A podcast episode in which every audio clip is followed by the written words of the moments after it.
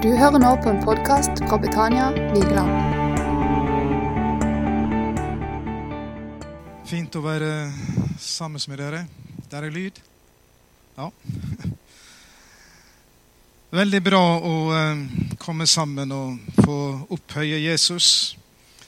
Og få eh, være sammen både når det gjelder å lovsynge, når det gjelder å dele brødet og eh, også om Guds ord. Vi skal eh, Det vil jeg dele med dere her i formiddag. Eh, når jeg ble spurt om temaet, så svarte jeg vil si litt om det å være Abrahams barn. Vi snakker jo om å være Guds barn. Men vi skal uh, si at, se at det er ikke så stor forskjell på det å være Abrahams barn og det å være Guds barn. Men eh, hvis vi går til Johannesevangeliet først, så møter vi der Jesus som er i samtale med tilhørerne sine. Og han, eh, i kapittel 8 eh, så kommer han inn på dette med å være fri. Den som gjør synd, han er slave under synden. Og da protesterer disse her eh, som lytter til ham, og sier at eh, vi vi er jo Abrahams barn. Vi, vi, har aldri vært noens Vi har ikke vært treller. Vi er Abrahams barn. Men så sier Vi skal lese litt ifra vers 37. Så står det slik. Jeg vet at dere er Abrahams ett, men dere vil drepe meg, for mitt ord har ikke rom hos dere. Jeg taler om det jeg har sett hos far og dere gjør det dere har hørt av deres far. Var, var vår far er Abraham, svarte de. Jesus sa, var dere Abrahams barn, gjorde dere som Abraham. Og Abraham han er jo de troendes far, ikke sant? Og eh, faktisk så sa Jesus at Abraham så min dag, og han gledet seg. Og så kommer han da med denne sterke eh, hva skal vi si, proklamasjonen Var dere Abrahams barn, gjorde dere som Abraham. Skal vi gå til Galaterbrevet, og så skal vi lese hvem som Paulus understreker er Abrahams barn. Jesus han ga jo jødene rett i at de er Abrahams etlinger. Men så sier han det er noe annet å være Abrahams barn etter troen. Og Her står det da i Galaterbrevet Vi leser fra kapittel 6 og ifra, nei, kapittel 3 og vers 6. Så står det slik. Om Abraham heter det han trodde Gud, og derfor regnet Gud ham som rettferdig. Så forstår dere at det er de som tror, som er Abrahams barn. Skriften forutså at Gud ville rettferdiggjøre hedningene ved tro, og den forkynte på forhånd dette gode budskap til Abraham. I deg skal alle folkeslag velsignes. Derfor blir de som tror, velsignet sammen med den troende Abraham. Så skal vi gå til Første Mosebok kapittel 12. Og så skal vi lese litt om Abraham. Skal vi følge litt av Abrahams historie, og så skal vi se at eh, selv om Abraham levde for noen tusen år siden, så har det budskapet om Abraham noe å si til oss i dag. Altså, de som tror de er Abrahams barn, og hvis vi er Abrahams barn, så gjør vi Abrahams gjerninger.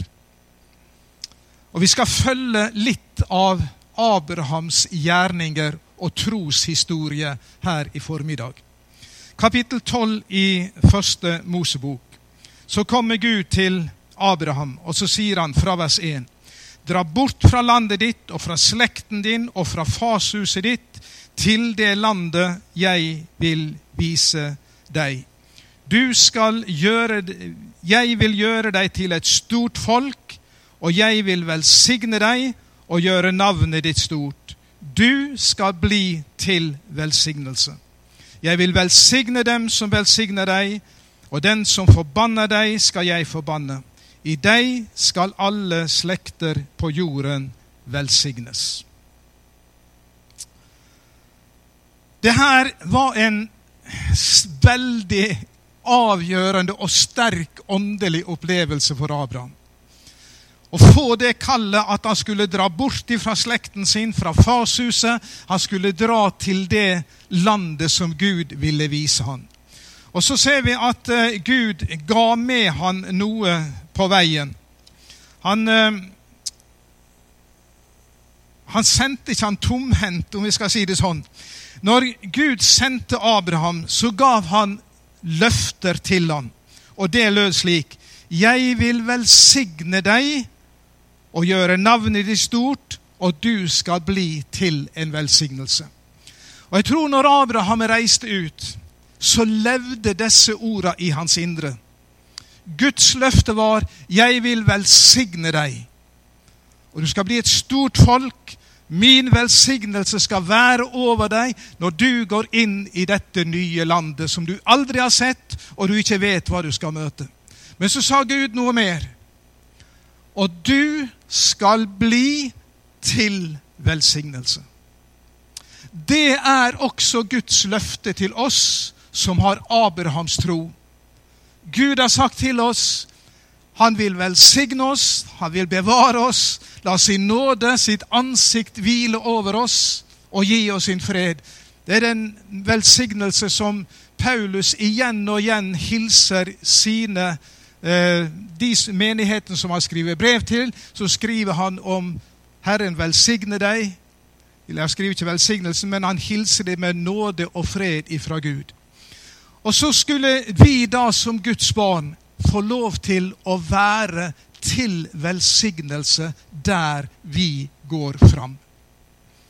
Og Abraham han eh, dro ut med dette, med dette kallet over sitt liv. Visste ikke hvor han skulle dra.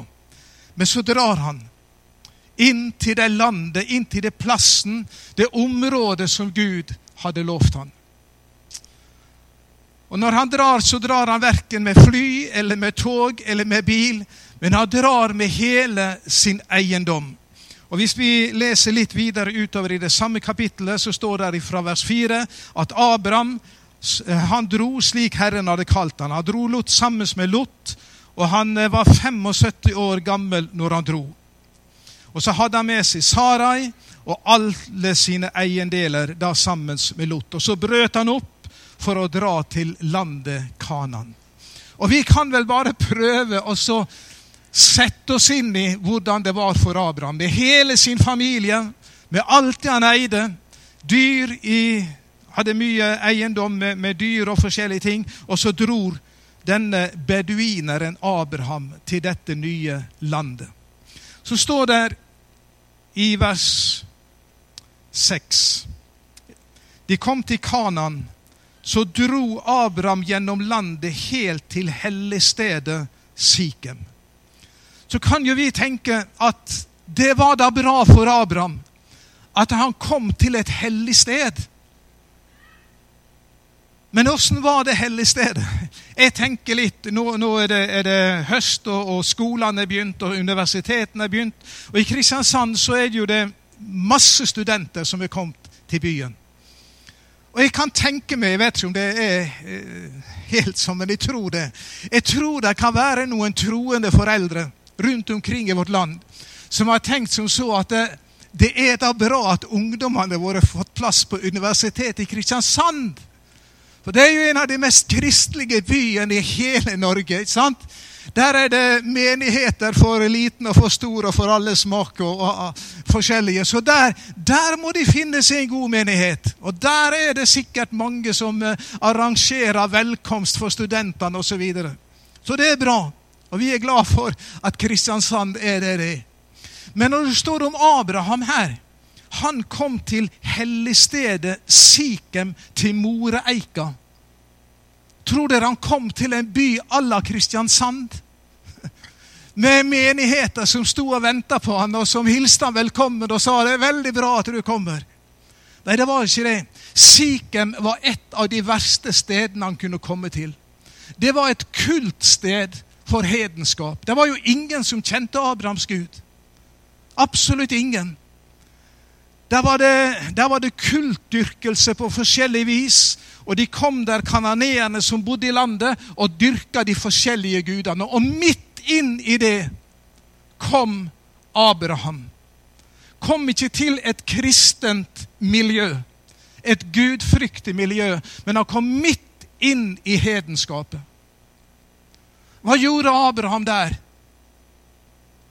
Når han kom inn i et miljø som var så totalt annerledes enn det som den Gud som hadde bedt han dra, representerte. Jo, da står det om Abraham når han kom til denne moreeika i Sikhem. Så står det om Abraham. Der bygget Abraham alter for Herren. Midt inn i ugudeligheten så reiste Abraham et alter for den Gud som hadde kalt han himmelens og jordens skaper. Og Jeg vet ikke om du kan prøve å se for deg beduineren Abraham, der han går rundt og samler store steiner. Og så bygger han et alter. Og Jeg syns de kan se han for meg der han kneler ned, løfter sine hender og påkaller den Gud som har kalt han til dette landet. Og jeg tror at i hans indre så lyder det, på tross av hedenskap han ser rundt seg, på tross av avgudsdyrkelsen han ser rundt seg, så lyder det i hans indre Jeg vil velsigne deg, og du skal være til velsignelse. Men Abraham kjente det var noe som var nødvendig, skulle velsignelsen flyte ut ifra hans liv så var det nødvendig for han å ha altertjeneste for den levende Gud. Så bøyde han sine kne, så påkalte han Herren. Og Det fortelles videre i det samme kapitlet her. Derfra flyttet han opp til fjellandet øst for Betel og slo opp teltet mellom Betel i vest og, Øy og Ai i øst.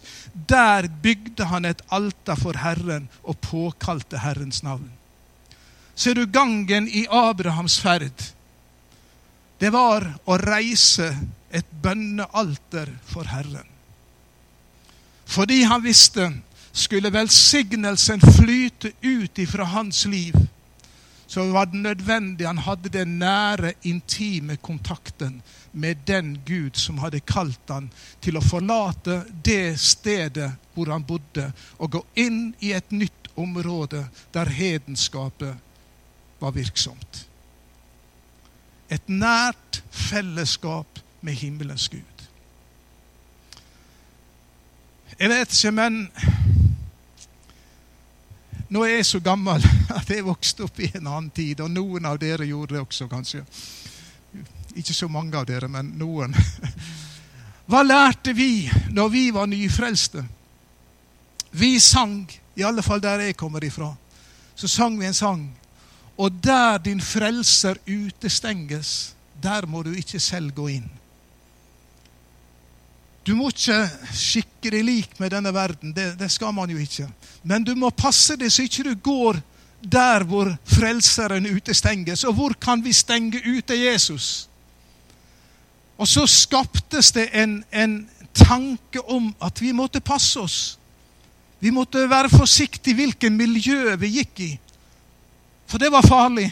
Å ikke gå på kino.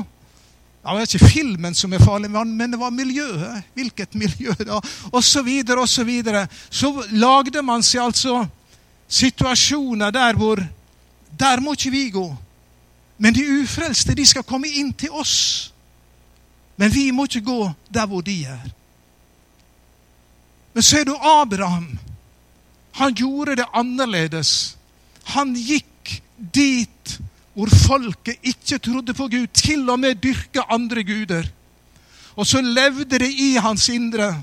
Abraham, jeg har kalt det, jeg skal velsigne det, men du skal også være en velsignelse. Hvor skulle han være det? I det mørket som han kom til, i det landet som han kom til, hvor de ikke kjente Abrahams Gud. Der skulle han være en velsignelse. Og for at det skulle skje i hans liv, så visste Abraham jeg må reise mitt alter. Og der påkalte Herren.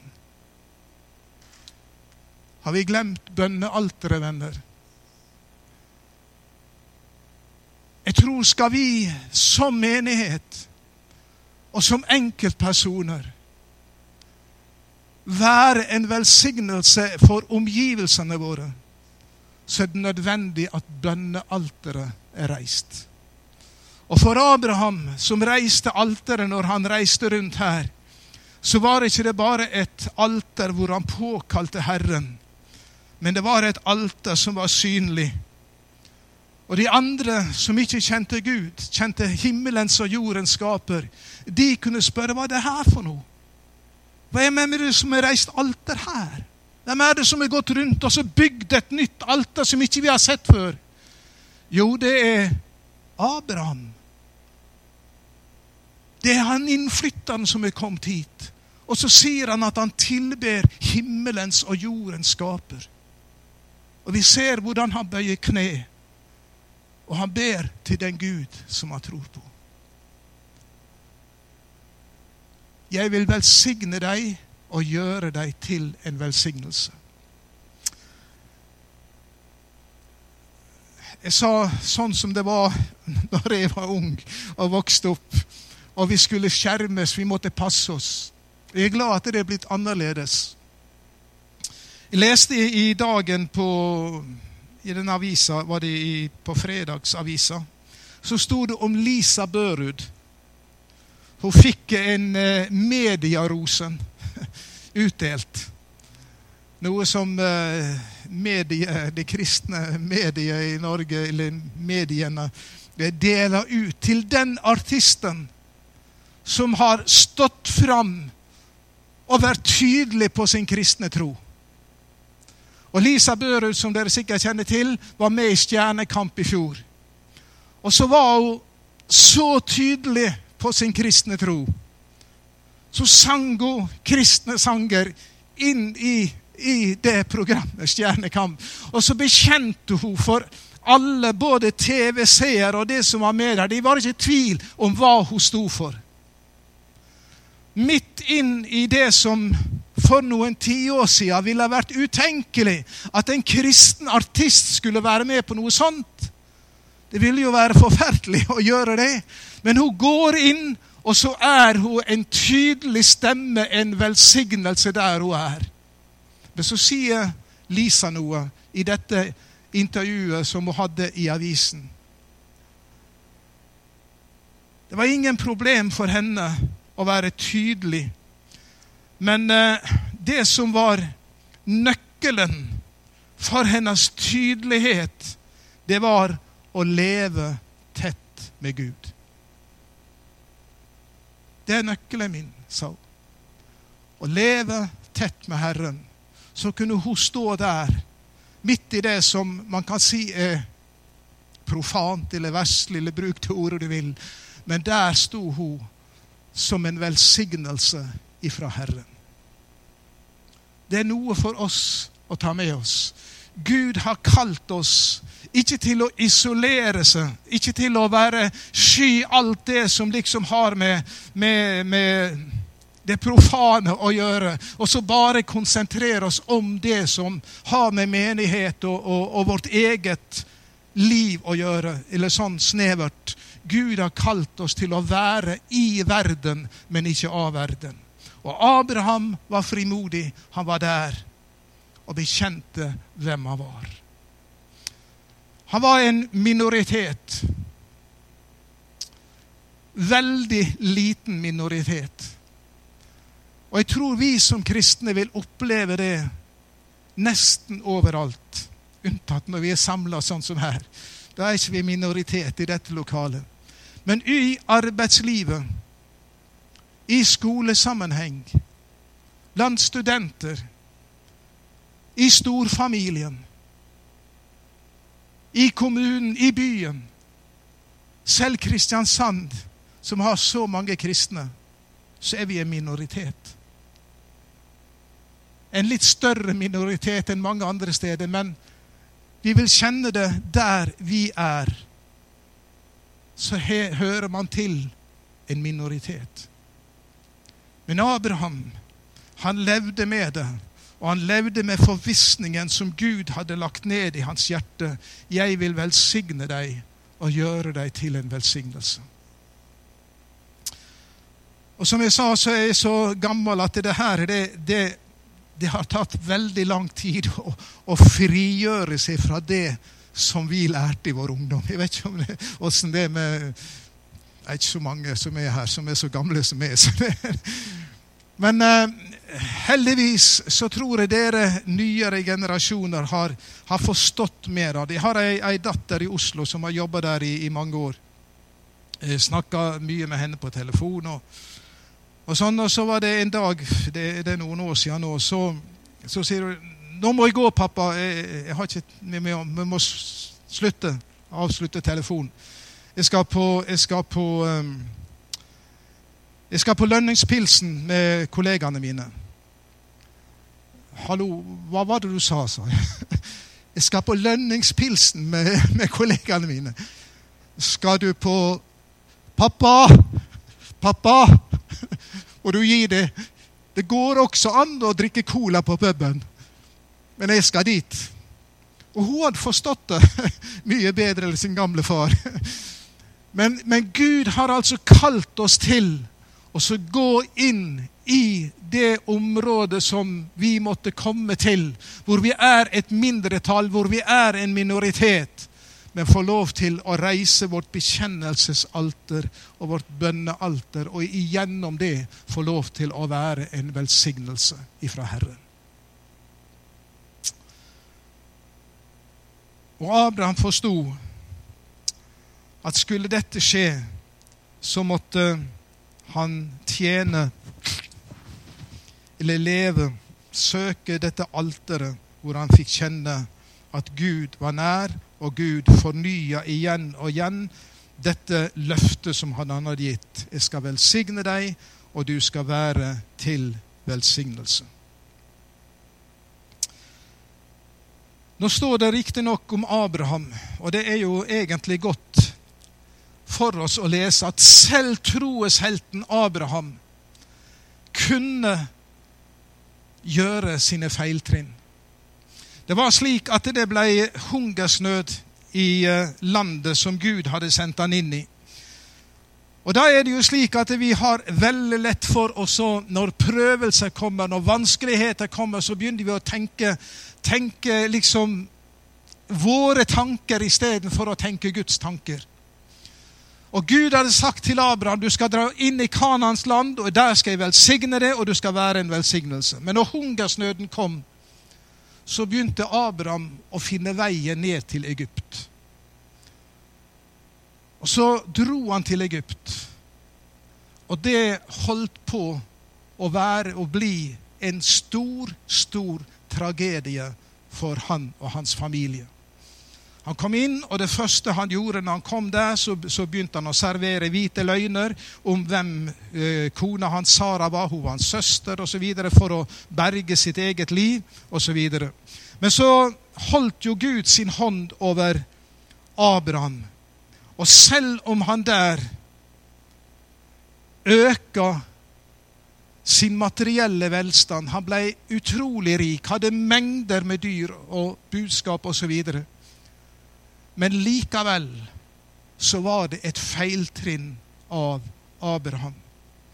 Og det er jo slik med oss noen ganger så kan saker og ting skje i våre liv som begynner å forandre kursen vår. Så ikke vi går der hvor Gud vil vi skal gå. Vi, vi lever ikke der hvor Herren vil vi skal leve. Men vi begynner å, å skjerme til, til sides. Men Abraham, han etter hvert når han har vært i Egypt, så begynte han på ny å søke tilbake til Kanans land og til det stedet hvor han før hadde vært. Det står her i kapittel 13 at han dro fra Negev og helt til Betel, til det stedet han før hadde hatt teltet sitt, mellom Betel og Ai, til det stedet han hadde reist et alter første gang, og der påkalte Abraham Herren. Jeg vet ikke åssen det er med noen her, Men det hender noen ganger vi må snu og vende tilbake til det vi har forlatt. Ting kan komme inn i vårt liv og føre oss litt på avveier.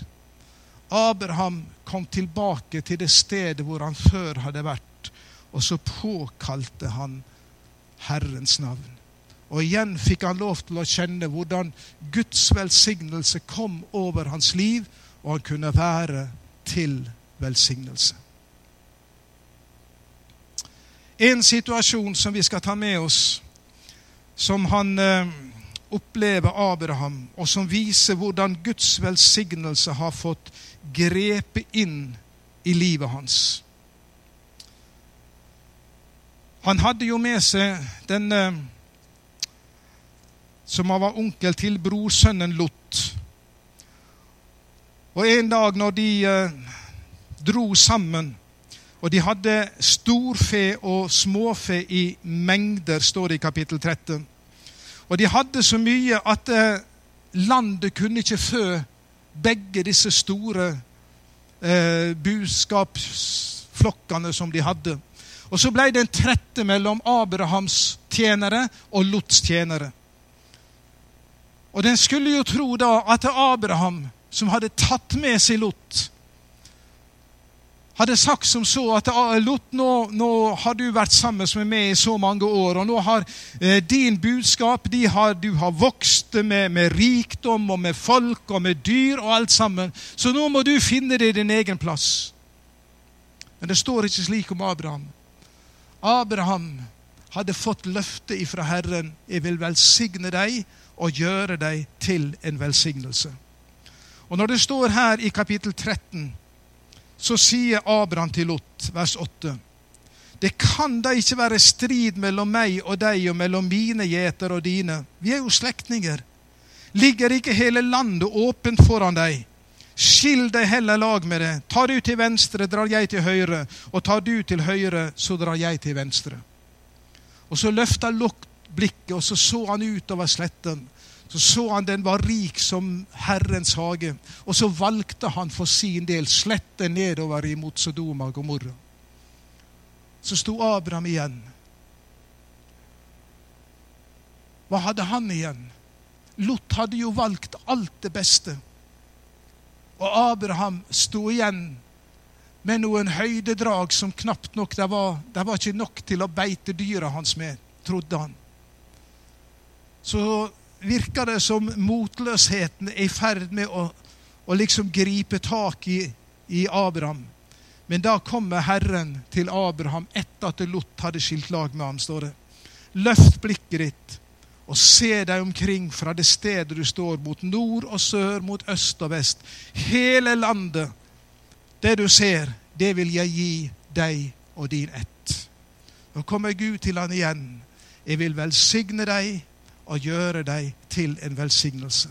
Abraham var så raus, han hadde opplevd så mye med Gud, at han kan jo stille Lot på valg.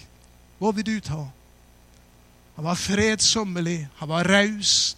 Gud hadde fått virka i han det som Gud ville. Og så kunne han være med og velsigne. Og For å gjøre denne historien videre kort, så så vet vi hvordan det var i Sodoma og Gomorra. Og når Abraham er i Hebron, han hadde flytta dit, så kommer, får han besøk av Herren, og så sier Gud til han, jeg vil stige ned og se hvordan det er i Sodoma. Og all den synden som florerer der. Og så taler Gud tydelig om det som venter, og han skal se. Men Abraham, står det om han, når han hørte hvordan dommen kunne bli over Sodoma, så står det om Abraham da tok han et skritt nærmere Herren. Og så begynner den mannen som er kalt til å være en velsignelse. Hvordan skal man være en velsignelse for en ugudelig by som Sodoma? Jo, Abraham tar et skritt nærmere, og så begynner han å be. Herre, hvis det er 50 rettferdige, vil du da ødelegge byen? Er det 40 rettferdige? Er det 30 rettferdige? Han kommer helt ned til ti stykker. Er det ti rettferdige? Vil du da ødelegge byen? Så vet vi Gud fant ingen, ikke så mange som ti rettferdige. Så kom dommen over Sodoma. Men så står det Når dommen kom, hva skjedde da? Da kom Gud Abraham i hu, og han førte Lot ut av ødeleggelsen. Den mann som hadde fått løfte om å være en velsignelse, den mannen var det som var med og redda de som ble redda ut ifra Sodoma. Så kan man jo si ja, men han ble jo ikke spart hele byen. Nei, men det var noen som ble spart. Hva er det Paulus sier? For alle er blitt alt, for i alle tilfeller å frelse noen. Vi kan også være med å redde noen. Vi kan også være med å være en duft av liv til liv midt inn i ugudeligheten. Ikke alltid så lett, kanskje, men allikevel Guds kall til oss er å være en velsignelse. Menigheten her er en velsignelse for plassen her, og det er det Gud har kalt den til å være. Og hver enkelt av oss er kalt til å være en velsignelse fra Herren. Så står man på valg noen ganger. Jeg vet ikke om jeg skal nevne, men jeg hørte en, en eh, Skal jeg slutte med den? Jeg hørte en um, svensk pastor fortelle uh, en, uh, en nokså illustrerende hendelse for han og for mange av oss andre, ettersom situasjonene kan være forskjellige fra oss. Men han, eh, han traff en eh, studentkollega på et sånt sommerstevne, var det vel. Og de prata masse sammen og, og delte gode minner osv. Så videre, sånn. Og så sier da denne som han traff jeg skal, jeg skal ha bryllup for sønnen min snart. Og denne pastoren han begynner å, å, prate om hvor hyggelig det var med bryllup og vielser og alt dette her som var er så veldig, veldig koselig for en pastor osv. Og, og så så han på ansiktet til han som han snakket med. Det forandra seg. Det, det, det, det, ble liksom ikke masse gleder og, og, og sånt som strålte fram, men, men syntes nesten at han så trist ut. Og så sier han Har jeg sagt noe galt? Eller sånn. Nei, sa han. Men sønnen min han skal gifte seg med en mann. Hva skal jeg gjøre? Hva skal jeg gjøre? Ja, hva skal du gjøre? Hva ville du gjort? Hva ville du gjort hvis en i familien din behøvde ikke være sønn eller datter, men noen du fikk innbydelse til et homobryllup? Ja, de gamle radikale frie venner og pinsevenner, hva gjorde de når eh, barna deres eh, hadde barnedåp for sine barn igjen? Nei, vi kommer ikke! Vi vil jo ikke det! Det er jo forferdelig å gå i barnedåp med, med, med Det synet har jo ikke vi, så vi vil jo ikke gå dit! Jeg tror det er mange i distriktet her som har, har gjort det. ikke sant? Hva skal vi gjøre? Skal vi sette foten ned og si nei. Nok er nok. Hva svarte denne pastoren? Jeg tror han svarte rett. Så sa han, husk, du er kalt til å være en velsignelse. Du skal ikke velsigne det du mener er synd og galt, men du skal gå, og du skal være en velsignelse. Det er det vi er kalt til. Det er det vi er kalt til. Ikke å demonstrere vår perfekthet og vår uenighet osv., men midt inn i det som ikke vi synes er rett, og, og, og, og så, videre, så er vi kalt til der å være en velsignelse, en duft av liv til liv. Vi er ikke kalt til bare å få de andre til å komme inn til oss, Vi er kalt til å være ut også blant de, og der få lov til å bekjenne. Reise vårt bekjennelsesalter og vårt bønnealter, slik at de også kan få lov til å kjenne den Gud vi tror på. Takker deg, Herre, for at den velsignelse du lovte Abraham, den velsignelse vil du velsigne også oss med. Hjelp oss til å leve så nære deg, så tett på deg, Herre, at vi kan være en duft av liv til liv. Være en velsignelse i den sammenhengen som vi lever. I skole, i jobb, i familie, hvor det måtte være. Hjelp oss til det, og fyll oss med din ånd og din kraft til å stå og være det du har kalt oss til. Amen.